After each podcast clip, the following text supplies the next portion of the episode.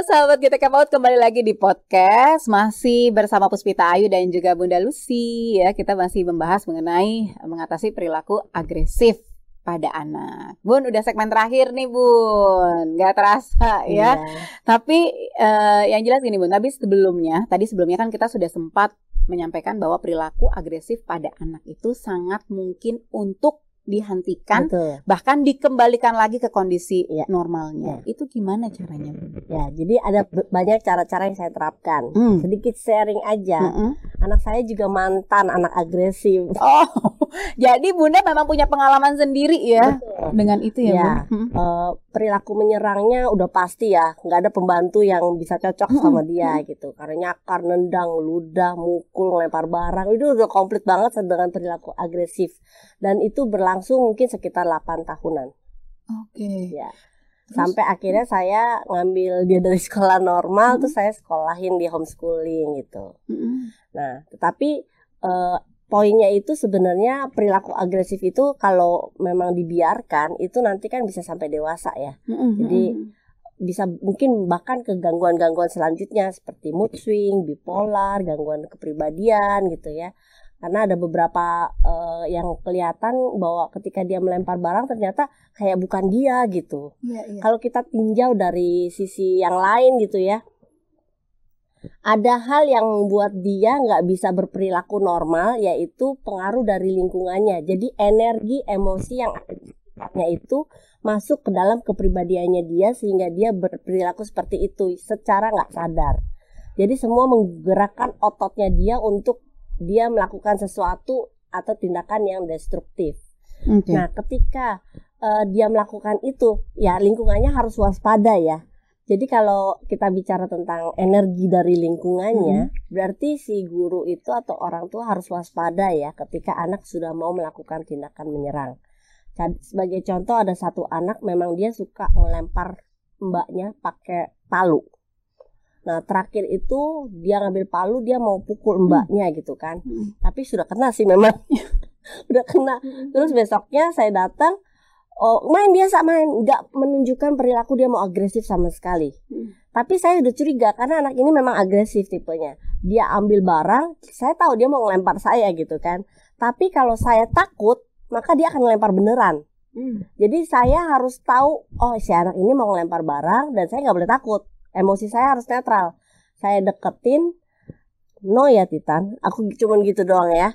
Terus dia akhirnya begini mukul boleh? Aku cuma gitu aja ya. Terus dia yang jawab kan tidak gitu. Jadi uh, cara ngomong juga harus memang sesuai gitu ya. Nggak boleh pakai kata uh, kamu sih anak baik ya. Tapi jadi oh, iya, iya, bat iya, itu nggak iya. boleh. Ada ada warningnya ya untuk iras uh, perilaku negatifnya. Yang pertama itu nggak boleh penggunaan kata-kata negatif. Jangan.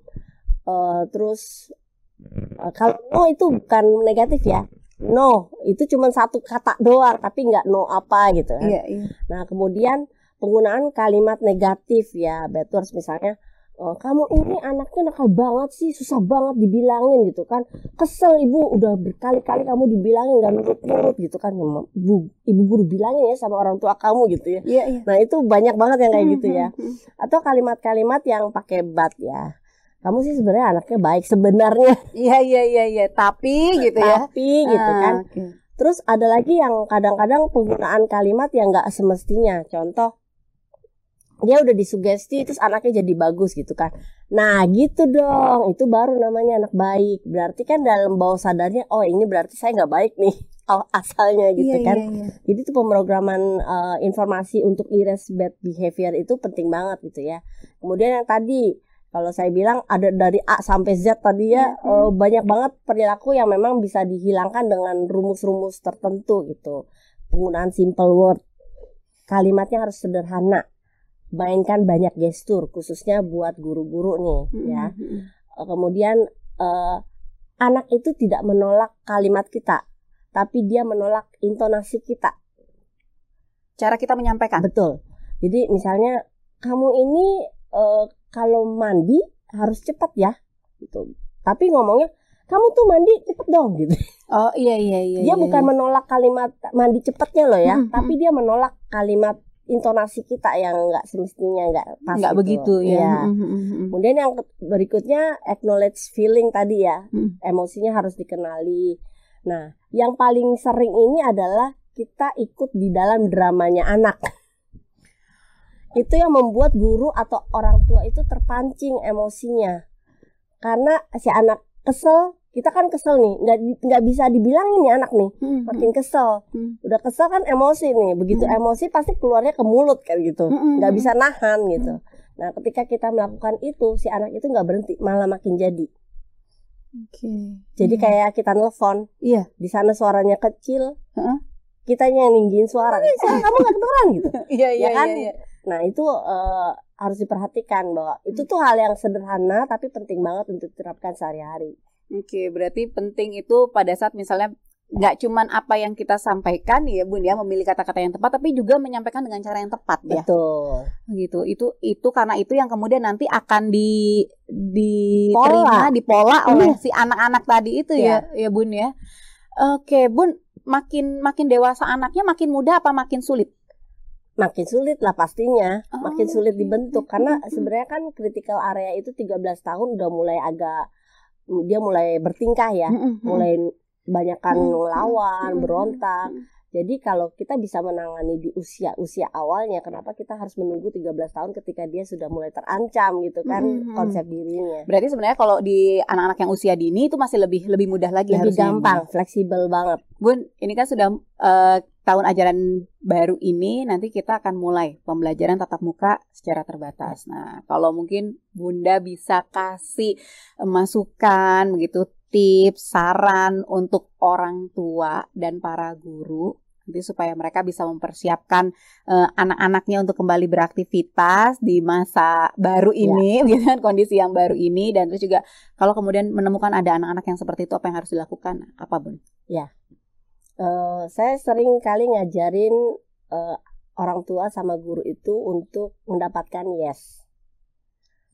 Jadi Hah? eh, kita biasanya prosesnya ya, kenapa orang itu bisa nurut sama kita? Karena kita ngeyesin mereka gitu.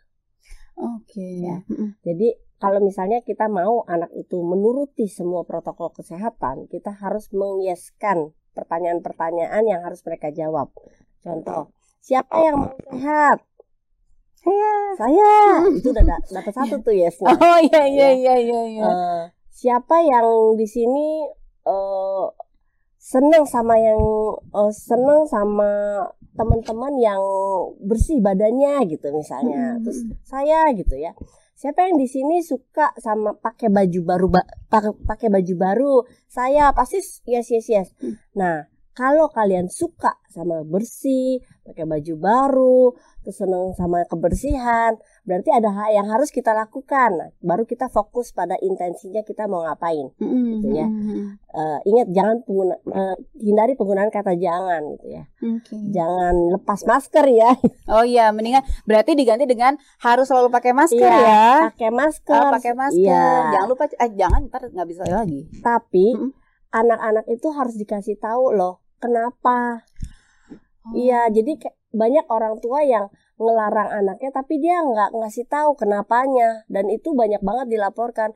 Aku nggak tahu kenapa harus belajar. Aku nggak tahu kenapa sih harus pakai masker, gitu iya, ya. Iya, iya, Dia iya. nggak tahu, cuman harus pakai masker karena itu protokol kesehatan. Ya tapi kenapa harus Iya, pakai iya, masker? Mereka mungkin belum ngerti protokol kesehatan itu apa gitu ya. Mereka nggak ngerti, itu terlalu abstrak Iya, iya, bahasanya, iya. ya. Mm-mm. Jadi harus dikasih contoh nih, kita beli misalnya ada masker-masker lucu. Ini namanya masker loh. Gunanya untuk apa sih masker gitu kan? Nah, terus kita kasih contoh video YouTube misalnya gitu kan. Kalau orang bersin kena orang lain terus orangnya jadi haji haji gitu, Iya, iya, iya. flu gitu kan. Nah, itu kan nularin. Katanya mau sehat. Kalau kalian mau sehat, berarti kalian harus pakai ini gitu. Jadi itu kan sebenarnya sederhana ya, yang bisa diterapkan di rumah ataupun di sekolah gitu. Jadi mereka tuh udah kayak punya mindset mindset aku mau bersih dan mau sehat, so harus pakai masker. Jadi begitu berangkat sekolah mereka udah ketagihan mah masker kamu mana mah gitu terus dia oh, iya. gitu. Jadi memang cara-cara menyampaikannya sekali lagi jangan jangan menggunakan kata jangan begitu ya, yeah. ya. Jangan fokus di larangan, tapi fokus di instruksi Betul. apa yang mau disampaikan. Betul. Begitu ya. Nah, lebih lebih banyak juga nanti menyampaikan mungkin dengan dengan contoh begitu ya, Bun ya dengan cerita, dengan hmm. contoh, dengan uh, how to-nya, hmm. uh, kenapanya gitu hmm. itu penting banget sih untuk anak tahu. Tapi dengan bahasa yang sederhana yang mereka pahami. Itu bagusnya dilakukan sekali saja atau berulang-ulang? Kalau sugesti itu biasanya berulang-ulang, tapi 21 hari biasanya menetap. Oh, Oke, okay. jadi durasinya di situ ya, ya. Bun? Oke, jadi mungkin bisa bisa dilakukan dari mulai uh, di hari pertama ya. gitu ya sampai misalnya hampir selama 21 hari, hari nonstop gitu, gitu ya. ya. Guru ngasih tahu, orang tua ngasih tahu dengan instruksi yang sama pasti akan masuk ke dalam bawah sadarnya dia. Akhirnya terus dikasih afirmasi di kelas memakai masker masker setiap hari supaya aku sehat gitu. Oh, Oke, okay. itu ditambah uh, apa kalimat-kalimat afirmasi ya, begitu ya. Betul. Jadi supaya lebih meneguhkan lagi apa ya. yang iya. sudah disampaikan. Begitu ya. ya Bun ya.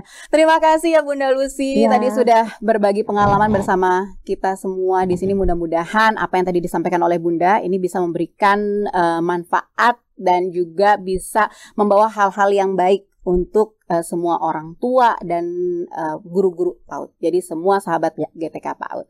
Nah, itu dia tadi sahabat GTK PAUD obrolan kami ya hari ini bincang-bincangnya di podcast hari ini. Jangan lupa untuk terus pantau channel YouTube Direktorat GTK PAUD untuk tahu informasi-informasi terbaru soal program podcast podcast lainnya. Buat yang belum subscribe, buruan ya. Subscribe komen dan like-nya. Jempolnya jangan lupa nanti dikasih. Oke, saya Puspita Ayu pamit undur diri sampai bertemu lagi. Wassalamualaikum warahmatullahi wabarakatuh.